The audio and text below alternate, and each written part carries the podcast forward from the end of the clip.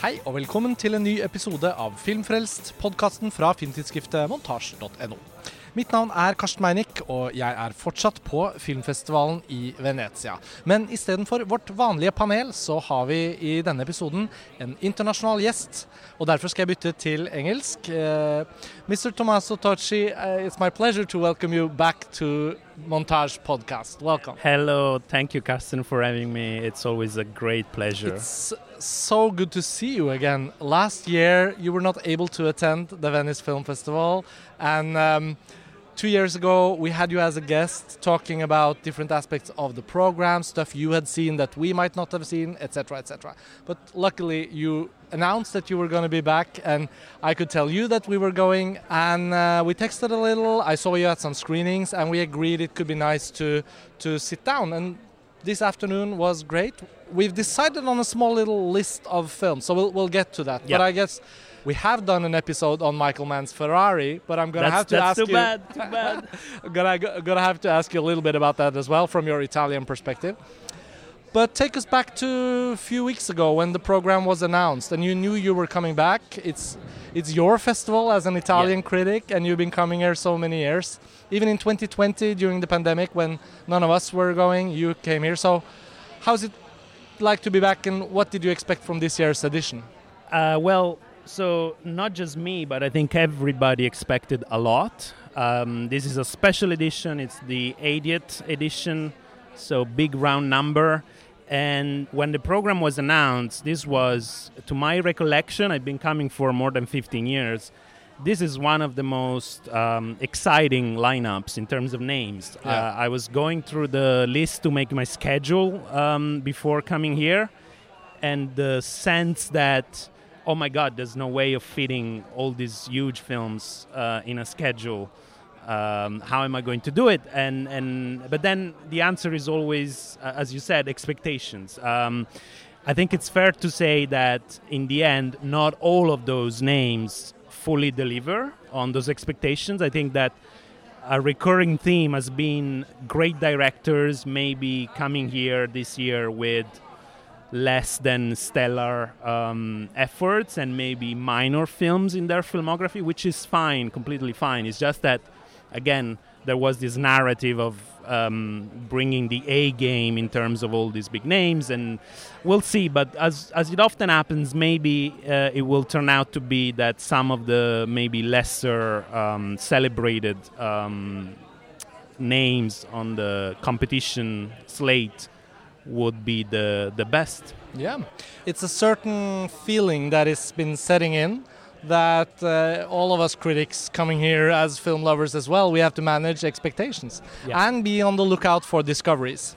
So, among some of the more high profile stuff, we've seen it, but we might save it for episodes with the Norwegian gang. Of course. And uh, I get to pick your brain on some of the local titles, and hopefully, we get to speak about some of the stuff I haven't seen, but you might have seen. Perfect.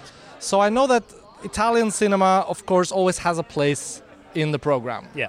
Uh, I'm, sh- I'm sure some years lesser uh, uh, inclusion in the main competition, some other years more.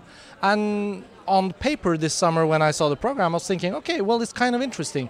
There's been at least two Italian films in main competition that I've seen, and I know you've seen. Yeah. So maybe we should start with with those. Let's start with those. Where do you want to kick us off? Let's go with Adagio, maybe, which is the Yeah. most international of the two. So maybe one that uh, our friends in Norway and in Europe and in the world will maybe get to see at some point, because I don't think that the other one is fit for travel too much. Maybe. Let's see. maybe, let's see. But it's nice. Let's talk about adagio. Yeah. It's one of those Italian words that we all know, so that's quite easy with the title. Yeah.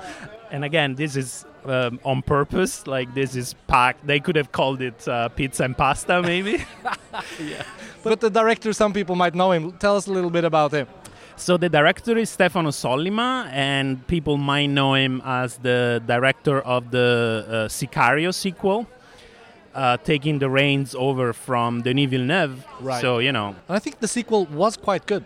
It's not on par with the original, Yeah. but that is so often the case. exactly. But I think the sequel found a way to continue at least Benicio del Toro's story yes. uh, to my satisfaction. But uh, I yeah, don't know. the uh, sequel still had uh, Taylor Sheridan um, scri- doing the script, right, right. which you know Taylor Sheridan has had its fair share of maybe diminishing returns lately, and maybe that was the first um, sign of that. Maybe. Um, I, I think it's certainly the confirmation of how much someone like Villeneuve uh, was bringing to the table. Right. Um, that's what that's what turned Sicario into something a little more than its genre origins. Yeah, I Um, agree. Even though it was in the script, but there was something about the direction. And in in uh, Sica- in Soldado, you can see Sollima demonstrating that for us. Yeah. He is uh, an extremely accomplished um, uh, technical director. He's very good at action. yeah. I think it's fair to say that it's not the most complex of filmmakers, maybe, but that's fine because actually, what we need right now in Italian cinema, I would take a technical director, a craftsman, um, a, a- an action director any day Yeah. because those are rarer for us. But where did Sollima come from? I mean, I didn't even know his name until he was announced as the director of Sicario 2. And, you know, taking us into this new film, Adagio, what kind of career has he had here in Italy? Actually, a varied career and a very interesting one. He started as a cameraman. He was doing um, journalism on TV in the States. He's always had um, a relationship to a more international um, American market. Uh, he was working over there. He came back. He started in TV. He did a few projects. Then he had a big break with the two very important uh, series, um, Gomorra, the series that was Yeah. adapted from the book Right. after Garrone made the film, uh, and also Romanzo Criminale, which is also uh, a tie-in from a film. But it was really, it was really, I think the series was more important than the film, unlike in the case of Gomorra. Okay, interesting. And so both were very influential. They created a genre, they created a whole factory of talent, I think. It really shaped the language, the visual language of genre films and TV that we still see today, and it's been almost 15 years now. So hugely influential, both of them, and so clearly it came the jump to movies. And you know he's done before going over to the states where he made not, not only soldado but also without remorse. Right. uh, michael b. Jordan vehicle um, adapted from tom clancy. He made a few films in italy that you know they really made an impact i think and so he created a whole niche for himself which is i think well deserved I think he made. Did he make a film called Suburra? Yes. It was in Norwegian distribution, actually. Nice, yeah. He made uh, All Cops Are Bastards, uh, a film about uh, cops in Italy, in Rome. My hometown is from Rome, so you know, he's uh, to see him, despite having made Gomorrah as well, uh, which is in Naples, but he's really uh, he has a connection with Rome, which I like. I remember when we talked about Sorrentino's The Hand of God, you were sharing like, well, where a director comes from. Is he Yeah. is he Ro- from Rome? Is he from Napoli? Is he from Milan? It was very important in how you distinguish. So I've been thinking about what you said when I watch something from Italy. I'm thinking, okay, Yeah. Tommaso said that. Not you only know, in Italy, to be fair, I really like. Sure, I, I uh, like no, to sure, see a true. sense of place in film. Yeah, I like course. when uh, a film deals with cities, especially. Yeah, I like the use of architecture, the use of urban space. That for me is very important. So when it is about a place that I know well, of course, it's an added bonus. So bringing us to Adagio, I knew nothing of about the film except that he was the director, and I've sensed from what I've seen that he has a penchant towards crime stories, Yeah. police, police and robber. Those sort of been archetypes in narrative cinema since the beginning, obviously, because it creates drama, tension, etc. And here we go again. Yeah. But it uh, struck me quite early as the perspective he chose. Where are these characters? What is the lament of their lives? What is the generational themes like? I, quite early, I felt this is not the normal police robber story. Uh, would you not. agree? And with the forest fire in the background, Yeah. it's the first image of the film we can see in the landscape around Yeah. the city that there's a forest fire, there's helicopters coming. Just as we talk, there's helicopters above us, but that's because of a, a big premiere here on Lido. But did you have that same kind of element of surprise, or did you know exactly what you were going into when you saw it? So I, I knew what to expect. Um, it's not forest fires actually because there's no forests around Rome. Um, it's it's a very it's a it's a sort of like dystopian exaggeration. Well, I, I caught the exaggeration, but I felt after this summer of forest Yeah, fires, I couldn't. it's impossible literal, to not. yes. Yeah, there's like I think there's a concern um, about um, climate issues certainly, Yeah. um, even though that's absolutely not what the film is about. But the guy likes to go for strong symbols in Right. setting up the atmosphere. Right. So there's certainly a city that is on its last legs. It's not only the fires, it's uh, the scorching heat of the summer, it's blackouts. So you see, it's a very nocturnal piece. Um, lights uh, coming and going. Yeah. Uh, Very everyone- effectively, I Very think. effectively. Mm. Everyone is exhausted. Everyone is um, quite literally dying because it's very much a film that's concerned about with um, with passing of even generational. As you said, it's an unconventional cops and robbers film because the the cops are the villains. uh, these are corrupt cops, um, and uh, not that the criminals are the good guys, but they are certainly the focus. I would say there's a risk of, as it often is in these cases, of uh, maybe mythologizing and, and glamorizing this uh, gangster essentially. But I think that it's done well. I think that it's there's something that it, it might not be evident. It's only mentioned in passing, but these guys, the three main characters, who are all again aging uh, old gangsters from a different generation. Uh, they are all from a, a gang that existed in Rome. Oh, so that's a real sort of It's- reference. Well, it's it's only it's it's it's mentioned, but then never fully explored. So Yeah. it, it could be something that they just throw out. But I think it, it does something to, in a way, signal this shift because these people from this gang are the ones that the series that Sollima made, Romanzo Criminale. Those were the protagonists of that series. So Interesting. it's an interesting callback to that. So I'll bring the listeners a little bit up to date on the plot.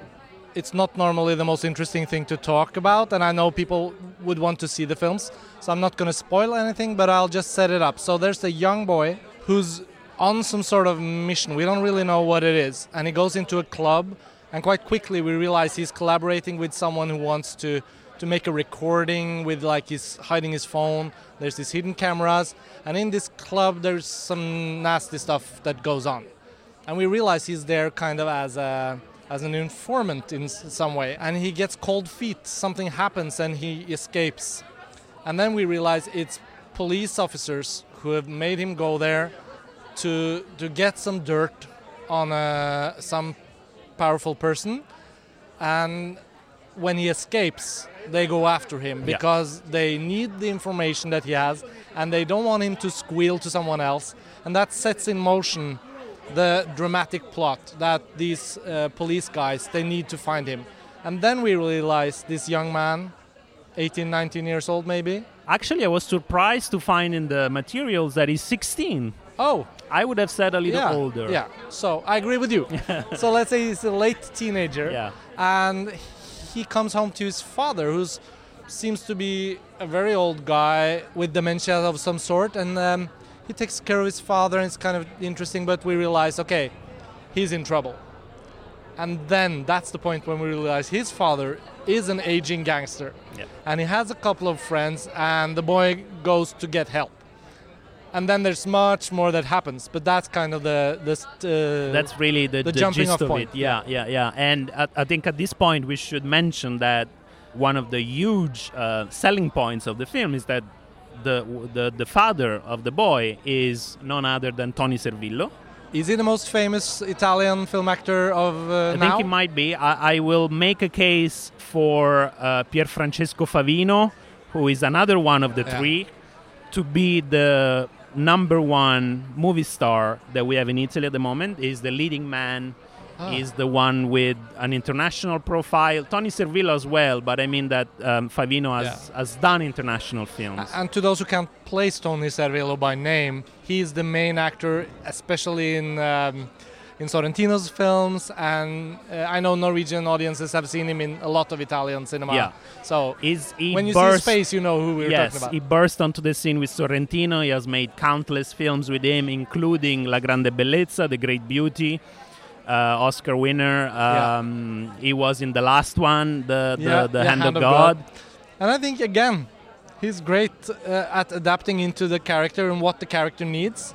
Yeah. And he has a really great journey, I think, because I was not expecting what was going to happen. Yeah. And I think all over the cast here is great. The action when it happens is very solid. And I I appreciate the fact that as the film progresses and reaches its end, it has treated us to a thematic symbolic piece of cinema that transcends the crime genre of television, I think. Mm-hmm. Because yeah. normally it doesn't have the episodic nature. yeah. It has the kind of concluded story, but on a larger canvas, being the city, being the fire, being all of these kind of elements that comes into play throughout Yeah. the story. I was quite impressed. Me too. Um, What has the reaction been in in I your think it's I, Italian gang? I think it's been very strong because people recognize that this is um, a film with true potential for um, you know crossing over abroad to sell and to sell well in a number of countries yeah, and to just deliver i think uh, a very well made genre piece Yeah. which is not because that was also the danger the, the danger was to make it too similar as i said this this kind of products that he's been a part of that the director's been a part of they've been very influential so at some point it becomes an issue of they are all doing the same thing all over again.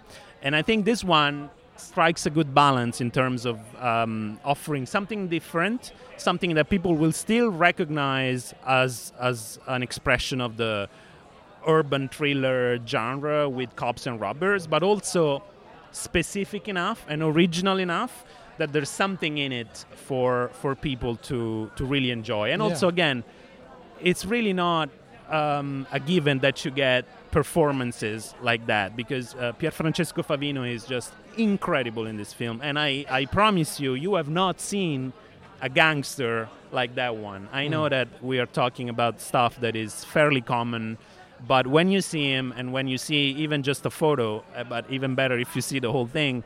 Uh, you, you'll really feel something different in, in his portrayal, I have to say.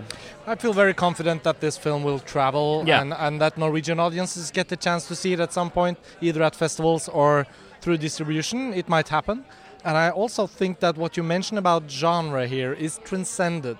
So it's in main competition at this huge festival, and I think it, it deserves the place because it's also for audiences. We have to re- remember that genre is something they know really well, and they can sniff the quality difference so fast because it's such such a uh, daily part of entertainment menus everywhere. Yeah. So when a genre is done well enough to keep the promise, it's a it's a tense story. most it's dramatic. difficult things to It it has all of the elements, Yeah. but it goes deeper, and it I especially like that the gangsters are tired of life, of crime, of uh, of uh, feeling guilty, and even when they've thought they've out, they're pulled back in, as Michael Corleone would Yes. say. And it even reminded me of the American film that was here a few years ago. Was it called Dragged into Concrete or something like that? Dragged into concrete. with Yeah, with yeah, yeah. Mel Gibson and Vince Vaughn. Was, Two police uh, officers that were doing all the worst stuff. Yeah. They were they were being punished throughout the narrative. But it was Los Angeles was the scene and it was not much talked about later. It was screened out of competition. Wasn't that quite good? because it was like a B picture Yeah, uh, yeah, lifted to the to the big screen here. So I don't know. Anyway, when when, when there's a m- meeting point of the genre and the artistry and maybe some themes that might be more normal to see treated in family dramas or in kind of more melodramatic stories. Um, yeah, I liked it. it's really uh, it really gives you a sense a physical sense of the rotten so it's not it's not one of those thrillers that are clean cut and the morals and, No. and the universe are fine it's really everything is decaying in this film starting from the city and ending up with um, all the characters. They are all literally dying, throwing up. Their bodies are rebelling against them, and uh, it, it, it gives you know a strong emotion of something truly, truly rotten at the core of this. So Stefano Sollima. Sollima yes. and his new film Adagio. We just talked about it. People should make a note. It will come out at some point uh, further down the road. But we'll stay with Italian cinema and literally Italian cinema history when we talk about the next film from main competition that we've both seen, Finalmente l'Alba. Oh, that was very good. Huh? My daughter is actually called Alba, you know. So when I saw the title, I was like, yeah, yeah, I know, I know that but one. it's the finalmente yeah, it's the up. Yeah. Finalmente.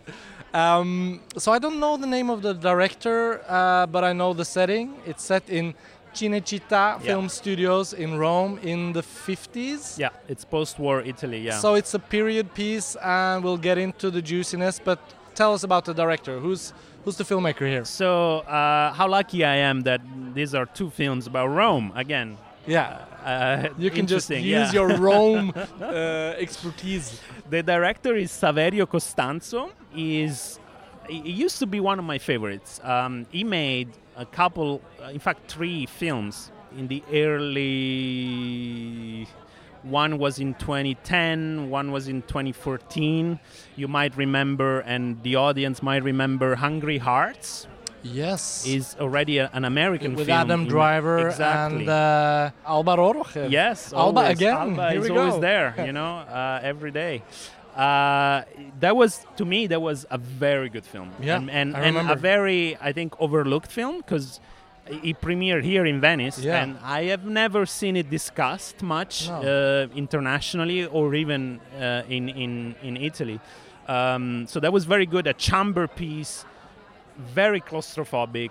And the same thing was was um, true of his previous film, uh, La solitudine dei numeri, dei numeri primi, which was also uh, an incredible use of music, a very energetic um, uh, drama. So anyway, then he made is uh, responsible for the series of uh, L'amica geniale, which people might might have seen. I don't know if it traveled internationally. It's based on uh, Elena Ferrante's novels. Ah, those My uh, Brilliant they Friend. went on HBO, I think, in Norway. Yeah, exactly. He made that series. Ah, he okay. directed it. Um, so a very good director, but he hasn't been missing from the film scene since 2014. So basically 10 years ago. So this was uh, an unexpected and, and very welcome return. But he seems from this new film that we've we're about to talk more about. He seems also like one of those very competent and kind of able directors to take on a properly epic story and get it done. I think on a very high level. Talking about film history, setting the film in a film uh, environment, making all sure all the period details are on spot, and there's even a film with uh, no two films within films. Yeah. So we get to see two different genre films. I think the the film opens with a long scene and sequence, bringing us to the end of a film that the main characters are watching in a cinema in Rome. Yeah. And uh, it seems like a kind of pastiche of Italian neorealism, or Yes. at least American, sort of black and white, very realist war picture Yeah. made just after the Second World War. And Yeah. the characters are even commenting as they walk out of the cinema. Oh, another sad story. Come on, why are they only making the American films of the 1930s? That was something like The Mother. Yes. And she has two daughters, and they are both kind of starry eyed from being in the cinema and kind of escaping a bit from real life. Yeah. And then as they exit the cinema in the opening scene, a voice sort of calls out, Hey, you guys, you girls, you should come to an audition in Cinecittà. There's an American film being made, especially, and he points to the older sister, and she's kind of classically beautiful. And she glows up, and, you know, they all agree, yeah, we should do it. And the mother is a little strict, and they have to ask the father, and we meet them at home and realize this is not like upper middle class Italian family. It's no. a kind of yeah. Not very poor family, but I feel like they're they're making ends meet. working class. Yeah. Yeah. Yeah. So they all agree in the end, and you can see the mother kind of loves cinema as well. So she wanna goes on this little adventure with her daughters, and they end up going out to the studio for an audition as extras on a huge Hollywood epic being made with huge stars. And those stars are American film stars. So naturally, for this film's story, there's an international element. So here comes um, the guy from Stranger Things that I can't remember his name. I have not seen Stranger Things, Yeah. so I don't know the name. Yeah, he plays um, the male movie star in this story from America. And then there's the most huge American Yeah. film star, a, a woman called Josephine Esperanza or something like that. yeah. Esperanto. And she's A played diva, by Lily James. Lily James, correct. Yeah. So here we are, that's the setup. And as uh, the listeners can imagine, the plot takes on a kind of like, if not Alice in Wonderland down the rabbit hole. I don't think that the readers, that the listeners can quite imagine where What? the plot No. goes after this. But for anyone who saw Babylon by Damien Yes. Chazelle this winter, the take, took place during the silent era in Hollywood, turning into sound movies, that's a little bit more epic. This one is one of those stories that's structured around a 24-hour kind Yes. of dramatic. which I really liked. Yeah. Uh, it, it has this uh, very Scorsesian uh, uh, sense of one night in which everything happens. Yeah, like after have to- hours. After hours. Set in Cinecittà with a young you have to go 21-year-old uh, main character. Yes. you can say this girl whom from that I family. think people will also recognize from uh, my brilliant friend, L'Amica Yeah, Geniale, yeah. uh, along with the mother, whose portrayal of this working class uh, post war Italy Italian mom, I think, was exquisite. she was great. She goes through the cliche. She makes them the, uh, her own. Um, it is sweet. It is disciplinarian. It is everything at the same time, but truly believable. A truly three-dimensional figure for a role that honestly it's not that important. But I was struck, and I was struck alongside everything that goes on in that first part Yeah, because the craft and the detail of the reconstruction not only of the film within the film not Mm. only of this uh, very thin slice of uh, italian life again in this um, post-war rome but then once you go through to Ci- Cinecittà to see the inner workings of this uh, world of dreams where um, huge colossals were being made I think it's just everything from even the cinematography. I thought was it had that incredible balance of corresponding to both reality and our perception of what films made in that period would look like. So I was I was struck, and you mentioned the fact that this is a director that we expect that from when in fact, I mean, uh, again, this is much like Sollima for the previous film. This is a guy who has now had significant experience in TV, and his experience in TV was in period drama. So I'm sure that uh, working on My Brilliant Friend Yeah. really informed his work here. But based on his previous films, I would have not imagined uh, this level of, of technical craft uh, in, in for something on such a broad canvas. Because again, his previous two films were very much about the idea of what happens in one apartment. Hmm. So this is hmm. a complete departure. Hmm. So it's interesting with this film. I, on a general note, if anyone asked me, I would say, well, I liked it. It's quite good. You should see it. But I've noticed that the reception here has been a bit divided, Yeah. and some of my Norwegian colleagues, which the listeners know well, were not that flabbergasted. And they felt there was an uneven quality to the film, meaning that the beginning 30, 40 minutes was quite good, exhilarating even to get into that what's going to happen now. And then what is served might be something else, but I was kind of really with the main character. The girl from the family, so not the one we expect, Yeah. is actually picked up by accident within the corridors of auditions and extras and in this studio no one notices you if you just open it's a door like and every disappear. great actor's uh, recollection of how they made it into the business. Oh, I just uh, yeah, I just went with my sister Yeah, for yeah, to yeah. accompany her to the audition, and then they got me. Yeah. So her journey, where it goes and where it ends up, I was with it. I was naturally kind of uh, skeptical to the duration at some point because it becomes a quite a long film. Yeah.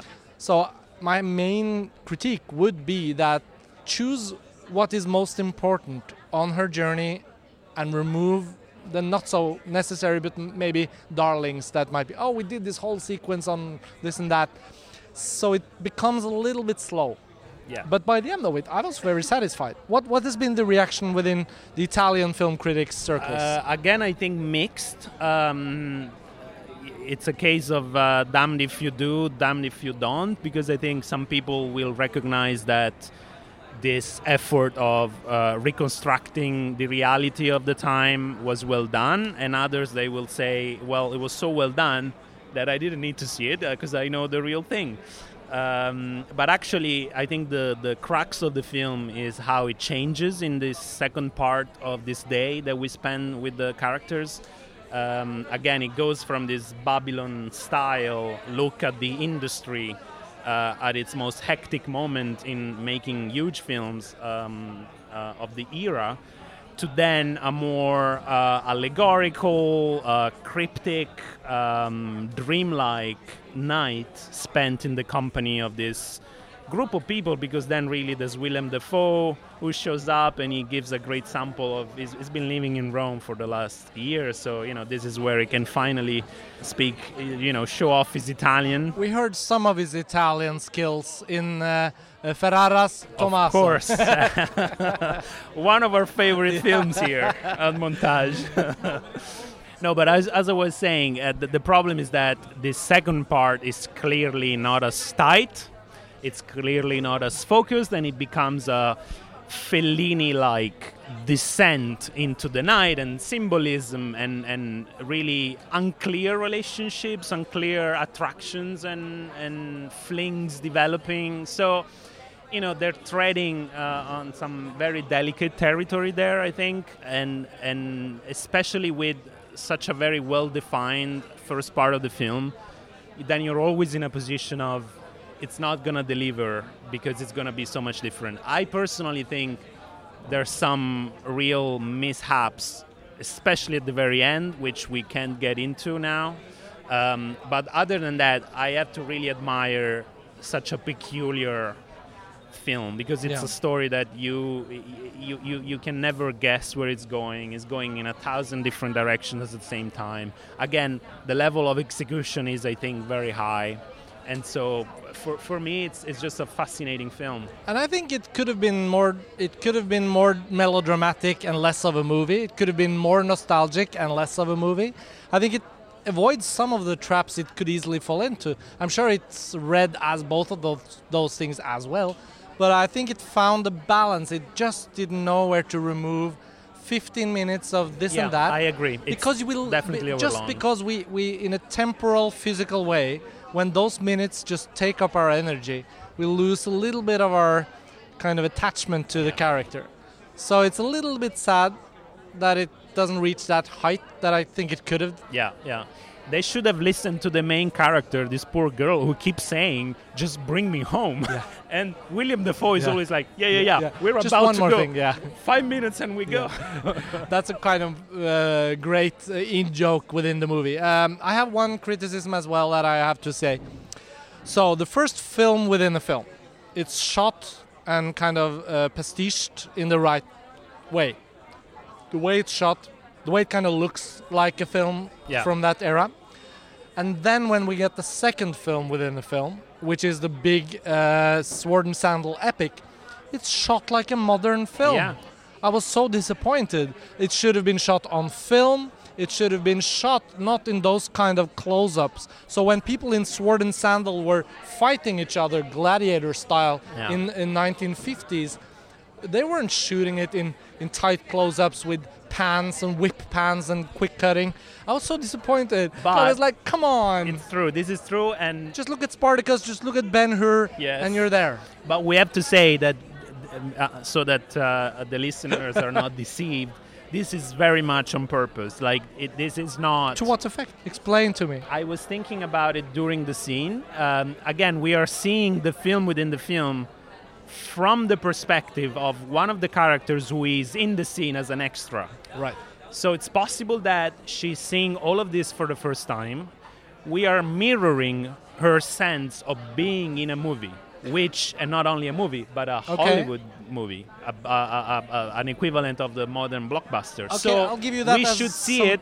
Right. as impressively and as, as a big spectacle as we now register those films today. So the grammar of the blockbuster should be the one that we recognize maybe I agree with you halfway. Okay, I'll take it. Because a point in the scene is that the huge star, Josephine, she reaches a high quality acting in a close up moment. Yes. Which is kind of what she she gets to an emotion because of our main character who's an extra who sits next to the camera. So it means that I expect the filmmaker to show this sequence from two perspectives. What you described, I agree.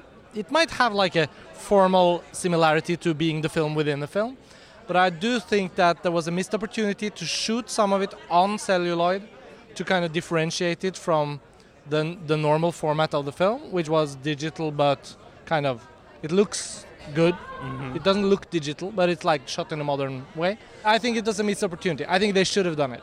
I am not honestly. I am not hundred percent sure that this is what's going on, and I have wondered about this myself because again, you get the sense that this is not an oversight. The director is clearly shooting this as if he was Sure, he's not realizing anything. What are we doing?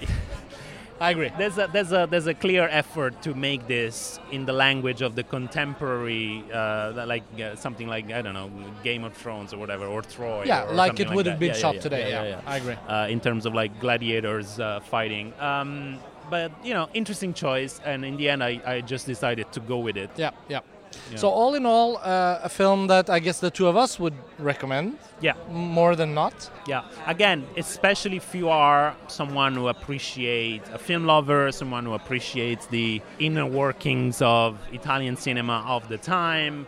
There's a lot of in jokes. There's a lot of um, you, you can see everything from neorealismo to again the films that Sergio Leone was making when he was coming up in that exactly in that context. Yes, exactly. So you know, for for film lovers out there, it's certainly something that has a lot of value. and the original title is Finalmente la, l'alba. Yeah, finally. And finally dawn. Yeah. The director's name again was Saverio. Saverio Costanzo. Costanzo. Okay, now good. So all the listeners are well now set to talk to other people about what was going on in Italian cinema Yeah. at the Venice Film Festival in 2023. So now let's open it a little bit up. You've been watching some films I haven't seen. Uh, we've been talking a little bit off microphone before we started. Where do you feel like going? What's been making a huge impression on you this far? So again, uh, this competition for me has been a case of everyone coming in at maybe one notch lower than what I expected. So I haven't had true revelations in competitions. I think that all of these great directors, all of these great masters, there's a sense of you think of them when then you go out of competition and you see, for example, Harmony Korine's uh, new film, and it completely blows away any notion of cinema for what it is. Okay, so tell us a little bit about that. I'll, I'll set it up from what I know. I haven't seen it. He's here with a new project called Aggro Dr1ft. Yeah. And at the same time, he's launching a new media company called Edgelord. Yeah. And IndieWire's critic of 17 years, Eric Kohn, has been hired to be like, uh, I don't know, executive of film. Is the um, Content? uh, creative uh, design Right. head of creative and design? He just something like announced that, it before the festival on, on IndieWire and on the podcast. So, to me, who follows these people, it's quite noticeable that something is going on. But I have been really uh, tracking what the film that Harmony Korine brings to Venice is, other than a few stills. And from those stills, you can see that it's some sort of infrared experimental thing. I said to you before we started, it looks like animation, and you were no, no, no, no, no. So tell me, is this the revolution that it's being proclaimed as? What is the future of cinema? what does Harmony Korine think about it? Tell us a little bit. Look, I, I really personally, I really don't like to be sensationalistic in this kind. Of, I don't like to usher in new revolutions, new eras, all of that. I think that is uh, very much a promotional uh, component to all of this. So I don't want to, you know, m- do their bidding without being paid. and I, so I don't want to take their word for it No. but I, at the same time, I don't think that it it can be understated how significant this all feels. I'm not saying that this is the future of cinema. In fact, I think Harmony Korine himself is arguing that it's not really about the future of cinema. It's about the future of something else Yeah, he that was- will replace. I'm cinema. paraphrasing, but it seems like he's like saying cinema has no future. Yeah. Where have we heard that before? Yeah. Um, no, cinema but is not going away. I feel quite sure about that. But okay, No, so he's he's let's trying just, something. Let's bring it down to just What one it is. film, Yeah. because otherwise we get lost. Honestly, A- I feel drift. that we would need three hours just to talk about this one thing. Um, there is just so much, even technically. This is all shot. This is a short film. I mean, it's it's 80 minutes. It is shot with real people, and it, it it has a story, but the story doesn't really matter. What matters is that when if you see even just a promotional image, you see it's shot in this thermal imaging, large swath of colors, very bright, very vivid, moving on the screen. Is it like uh, heat-seeking camera Yeah, style? yeah, yeah. Those It's- kind it's, of it's, right. It's the stuff that people are familiar with from countless military like military, films right? Yeah. and military video games. Crucially, because it's a film that has very much to do with the world of video games. Not only that, but then the company Edgelord. I think this the, the film is to be intended as sort of a a promo, a demo, a teaser for the work of the company, the work that the company will be doing. They are then using AI to superimpose stuff onto the silhouettes of the characters. And this is something that we don't have words for because they are not diegetically justified. The- I mean that mm. there's no, they don't serve a purpose in the story. This is each figure in this film because that's what they are. They are figure, they are shapes, they are color moving through the screen. They then have things moving onto their body, and sometimes they're it's like moving, living tattoos. Sometimes it's like uh, impossible architectures. Sometimes it's just expressionistic drawings. Um, it's really quite something. And then the film is so uninterested in conventional narratives that it becomes, I think, sort of like a Malick film. The characters get lost in this. Um, they are saying things, but they are saying things to themselves. They are repeating things constantly. It feels like the classic Malick monologue, except instead of talking about God and nature and the forces of the world, they are just saying stuff about demons and how I have to go and kill that man and my life is worthless and they're balancing their uh, the, the, the main protagonist as a family but he's also a killer so he's going around killing people and fighting demons. Honestly the whole thing is unhinged completely unhinged. I would urge people to seek this out. They will be able to see it i have no doubt. This is a, a, a very much a cross media enterprise so it will pop up everywhere. Is it in the category when you could easily also see it projected as video art?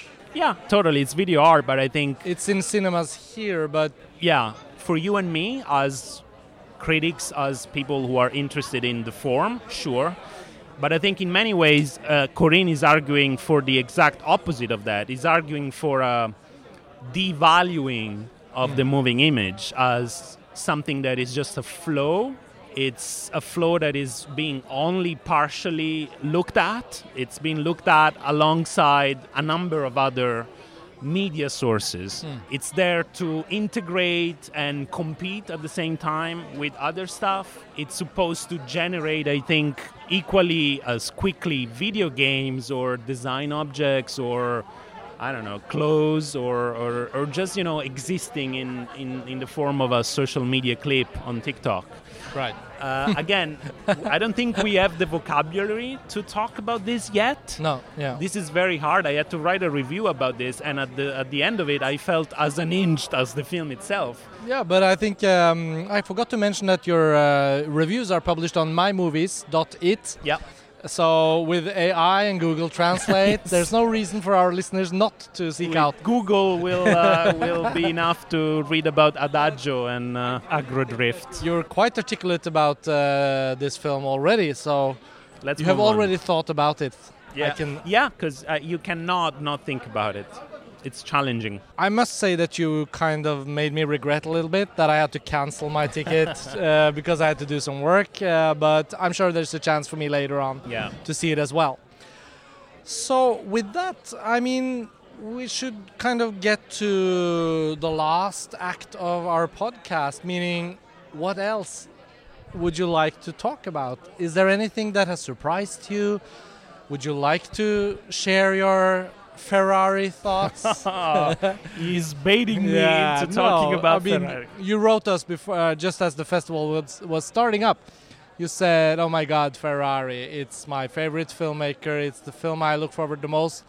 You didn't hear it, but my colleague Lars Ole made the joke. Is it also his favorite car?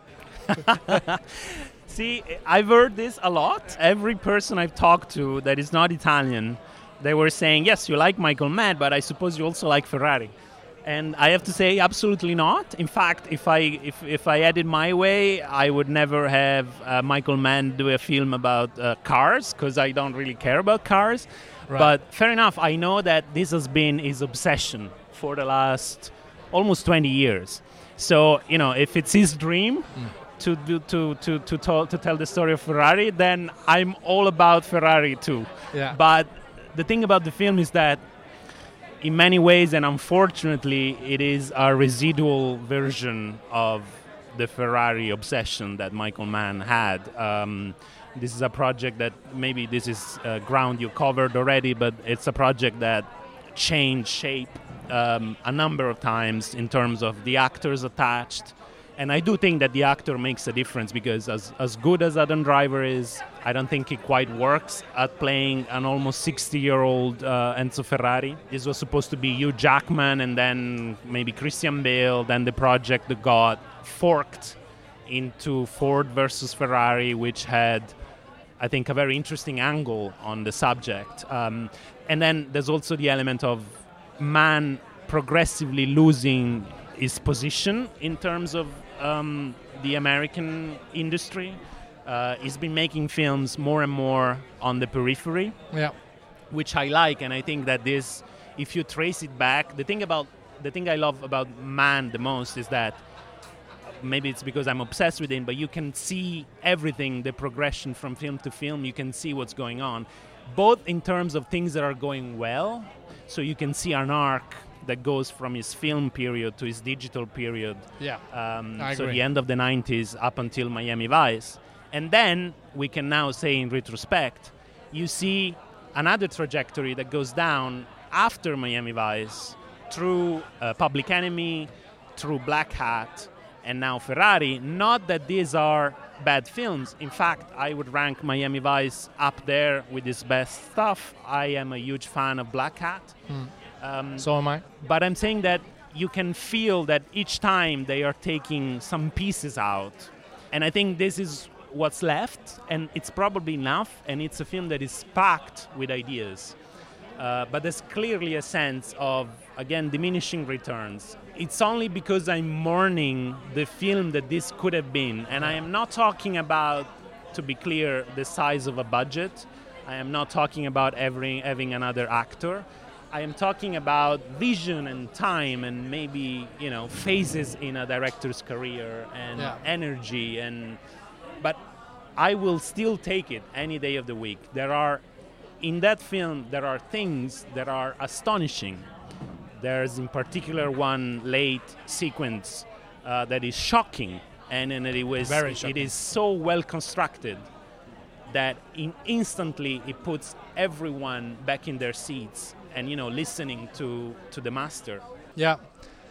I think that was a very well measured take. Uh, I, I, I agree with you. I guess I only have stupid details that I want to kind of pick your brains on. What does it feel like for Italians to hear an Italian story uh, spoken in English dear. dialogue when they they kind of make it broken English? Like I, that's a weird It is weird. to, Um, to us even. Yeah. Look, I, I again, this is something I could go into much detail because um, there's been a huge debate recently. Uh, Pierfrancesco Favino, who is the star of Adagio and the star of many films, as again, as I've said, is the number one movie star that we have, and he's using this platform, I think, quite deliberately.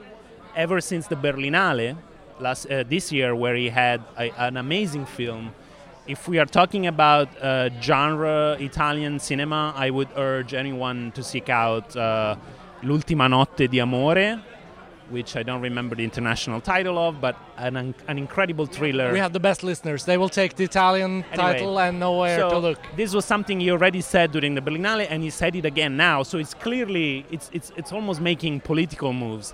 Is uh, stirring up the flame of the debate in terms of he's saying why are we letting the Americans you know do this to us Yeah. which is something that again I don't think he means that literally. I think he's very much aware that there's a discrepancy in terms of Yeah. which industry can afford to make which movies. Yeah. Um, And for them to make it, it Yes. has to have a language that works Yes. all across the. Yeah. But I think that there's something there that is using this to provoke a debate Yeah. in the Italian industry about things that are only partially related to this. But this is what he's talking about, so that's what people are also talking about. And it is indeed weird, especially because, much like in Gucci, in House of Gucci, yeah. you have this strange sense of maybe not everyone is doing the same thing at the same time, which is strange. And maybe that's that what they're going for, the variety. But in Gucci, the accents were wildly different in scope, in tone, Yeah. in, in magnitude. Um, and here is kind of the same thing. You have, I guess, the majority of the characters doing an Italian accent, accent while they're speaking English. But then there's Italian actors in there Yeah. who are speaking English with a real Italian accent, and then sometimes talking Italian. Then there's Penelope Cruz, Yeah. who's doing her own thing She's in her own movie She's within in the her own movie. But I think she she's great in she she brings a lot of um, she, something very lively about her, uh, which we I think debated works. it on the episode. Okay, perfect. I was So pro it. Cruz, I'm pro cruise, yeah. and there was others that felt like that was the weakest uh, link. So it'll be uneven reactions, but it seems like the marketing apparatus will keep churning to get Ferrari out there for winter, for awards, for Yeah. release. So it seems like the premiere here in Venice mainly went quite well. Quite well. The American again, critics were sort of positive. Is never what you want, you know, quite well. No, it's not. an, it's not electric. Yeah, I um, think but I think in, in the same way that Michael Mann today, I don't think is a filmmaker that will come and take a festival by storm. I think people are taking him for granted. I think some people are thinking that he's completely finished. Yeah. Uh, I don't think he's the kind of guy that comes here and people will um, see his film as part of the zeitgeist No. uh, necessarily. I, I do think that, much like his other films, and maybe a little less, this film will be will, will find its way, will find its um, trajectory, and it will be reevaluated, rediscovered uh, for the many little things that are, to me, very valuable. Yeah. Um, even though they are not what catches the eye, No. especially in the context of a film festival. Yeah. And that's coming from the guy who wanted so much to be there at a film festival with a Michael Mann film, which has never happened for me, No. that I honestly would have come to Venice just for that. And you did, and it and it did happen. And um, we've been talking for an hour. Yes. I feel like we have to wrap up, even though we could talk more. I mean, As I always don't feel, tempt me because uh, I will go on for hours and hours. Yeah, we should wrap it up. But thank you again, Tommaso, for joining the podcast. It's a pleasure. You've also been contributing articles for Montage. I hope that happens again in the future, and you're welcome back anytime. Also outside of Venice Film Festivals, Yes. and uh, so we hope to hear back from you soon. And good luck for the rest of the festival and all the reviews you have to write Yes. on um, mymovies.it. Yeah. Right. Okay. Thank Okay. you so much, Karsten. Thank and you. Uh, thank you to everyone listening. Ciao. Bye bye. Ciao.